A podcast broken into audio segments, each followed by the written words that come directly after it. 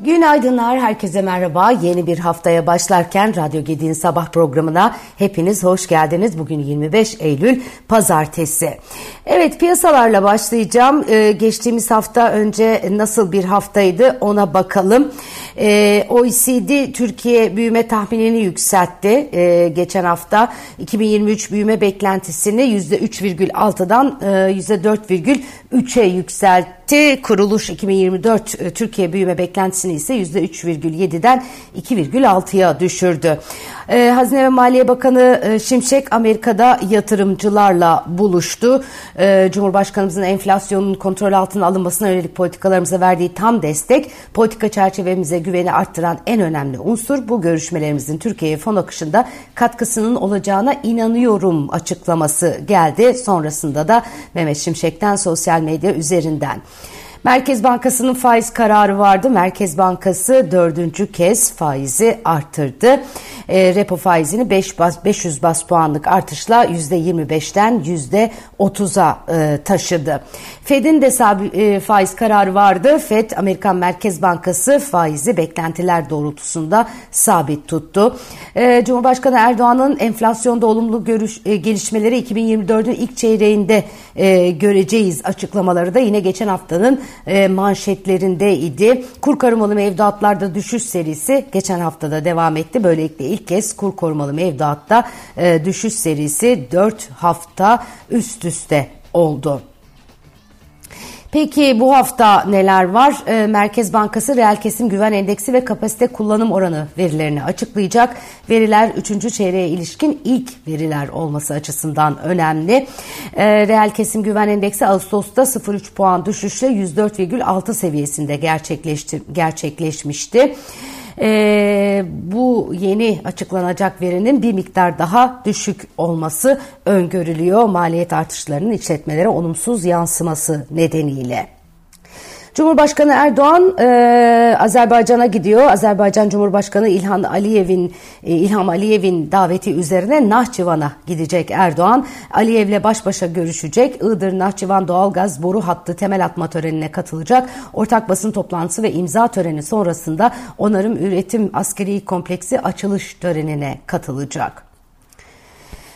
Ee, Avrupa Merkez Bankası Başkanı Christine Lagarde Avrupa Parlamentosu Ekonomik ve Parasal İşler Komitesi'nde konuşacakmış. Avrupa başta olmak üzere küresel ekonomik gelişmeleri masaya yatıracak Lagarde'ın konuşması bugün saat 16'da başlayacak.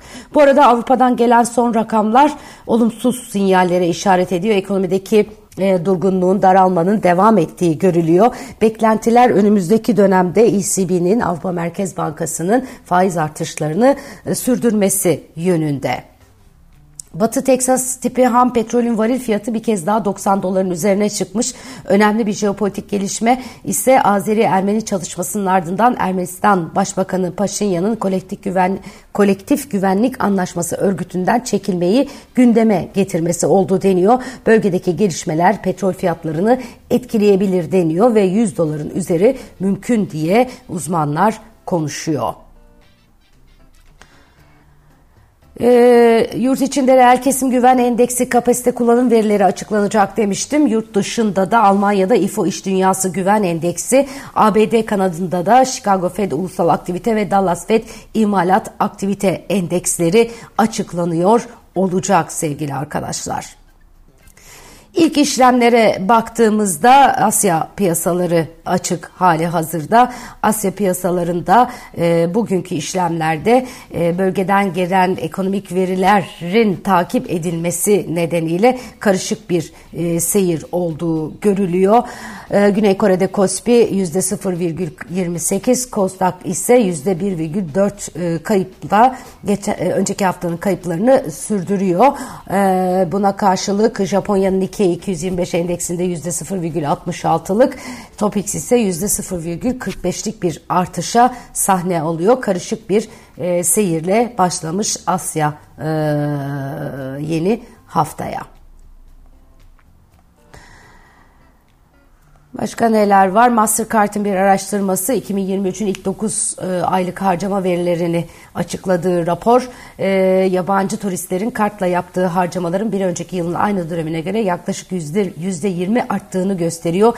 Turist sayısındaki artışa bağlı olarak işlem yapan kart sayısında ise %25 artış görüldü. Kart demişken e, banka kartlarının e, kullanımına, kredilerin, e, taksitlerin e, seyrine yönelik yeni düzenlemeler e, var e, biliyorsunuz. E, bu düzenlemelerle ilgili de e, ortaya çıkan e, tablonun e, epeyce bir dikkat çekici olduğu görülüyor. Her e, 100 şey her 4 kişiden e, birinin e, harcama limitinin e, daha doğrusu e, kredi kartı limitinin 100 bin liranın üzerinde olduğu e, görülüyor. OVP'de sınıflama getirileceği sinyali verilen sonrasında Hazine ve Maliye Bakanı Şimşek'in de benzer açıklama yaptığı kredi kartıyla yapılan alışveriş ve nakit çekim bir yılda 301 milyar liradan neredeyse 3 kat artışla 852 milyar liraya ulaştı deniyor. Bankalar enflasyonun da etkisiyle yılbaşından bu yana kart limitlerini yaklaşık bir kat e, arttırdı. Geçen yıl sayısı 35 milyon olan kart sahiplerinden sadece %3,1'inin kart limiti 100 bin liranın üzerindeyken bu rakam şimdi %25'e çıkmış. Yani deniyor ki şu anda tam 9 milyon vatandaşın kart limiti 100 liranın üzerinde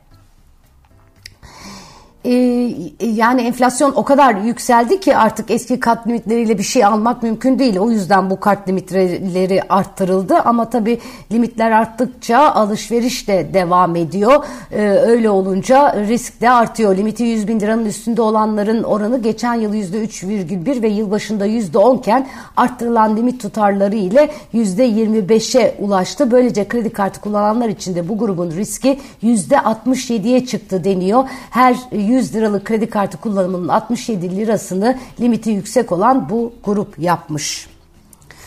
E, bu araştırmada bugünün yine manşetleri içerisinde yer almakta.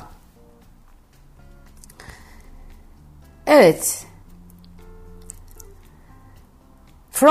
Fransa'nın Marsilya kentinde Cumhurbaşkanı Emmanuel Macron'la görüşen Papa Francis göçmen krizinden dolayı limanlarını kapatmaya çalışan Avrupa ülkelerini hedef almış. Katolik dünyasının ruhani lideri ülkelerden meseleye hayırseverlikle yaklaşmalarını istemiş. Papa Francis bir göç acil durumundan bahsetmenin sadece alarmist propagandayı ve korkuyu körüklediğini e, söylerken Avrupalı liderlerden limanlarını göçmenlere kapatmaması çağrısında bulunmuş. Öte yandan İtalya hükümeti göçmenlerin iltica başvuruları değerlendirilirken sınır merkezlerinde gözaltında tutulmamaları için yaklaşık 5 bin euro ödemeleri şartını getirmiş. İçişleri Bakanlığı kararnamesine göre İtalya'dan sığınma talep eden göçmenler 4938 euro ödeme yapmaları halinde başvuru sonuçlarını özgür kalarak bekleyebilecek mali garanti diye adlandırılan bu ödeme İtalya'nın güvenli olarak kategorize ettiği ülkelerden gelenlerden talep edilecekmiş. E, bu ülkelerden gelenlerin iltica başvurularının kabul edilmeme ihtimali daha yüksek. Ödemeyi yapanların başvuruları maksimum 28 günlük hızlı süreçle değerlendirilecek. Bu süreyi gözaltına benzer koşulların olduğu sınır merkezlerinde geçirmeleri gerekmeyecek. Yani 5000 euro verecekler ama başvuruları e, yani böyle adeta e, İtalya sınırlarında konaklama parası gibi bir şey e, talep ediyor İtalya. Evet, çok acayip değil mi? Muhalefette sular durulmuyor. Yerel seçimlere aylar kala İyi Parti Genel Başkanı Meral Akşener hiçbir partiyle ittifak yapmayacaklarını belirtip İstanbul adayımıza çok şaşıracaksınız açıklamasında bulunmuştu. CHP'li Mehmet Sevigen Akşener'in son dönemde Memleket Partisi lideri Muharrem İnce ile sık görüştüğünü ve aday olarak onu düşündüğünü söylemiş. Bu arada, e, bu arada CHP Ankara İl Kongresi cumartesi günü geçtim bu hafta sonu geçtiğimiz hafta sonu e, Atatürk Spor Salonu'nda Ulus'ta Ankara'da gerçekleşti. Kongrede Profesör Doktor Ümit Erkol 340 oy alarak il başkanı e, seçildi. E, CHP'li Erkol yenilik, yenilikçileri eleştirmiş e, konuşmasında bir gün önce Kılıçdaroğlu'nun doktrinini anlatacaksın bir gün sonra yenilikçi olacaksın yok böyle yağma diye konuşmuş. Bu CHP'li Mehmet Sevigen neye istinaden İyi Parti'nin İstanbul Büyükşehir Belediye Başkanı Muharrem e, adayının Muharrem İnce olacağını söyledi bilmiyorum ama e, kötü bir seçim olabilir gibi geliyor bana. Göreceğiz. Evet, Cumhurbaşkanı Yardımcısı Cevdet Yılmaz'ın açıklamaları var. Kanal 7 canlı yayınında gündemi değerlendirmiş e, Cumhurbaşkanı Yardımcısı Cevdet Yılmaz. E, aylık bazda düşüşleri daha erken göreceğiz demiş. Enflasyonla ilgili olarak Temmuz Ağustos'ta ciddi bir yükseliş oldu. Bundan sonraki aylarda öyle bir artış beklemiyoruz doğrusu. Seneye bu vakitler kaç olur mesela enflasyon sorusuna tam bu vakitleri söyleyemem ama ortalama bir hesabımız var. %33 olarak ve bu da gerçekleştirilebilir bir rakam diye düşünüyorum demiş.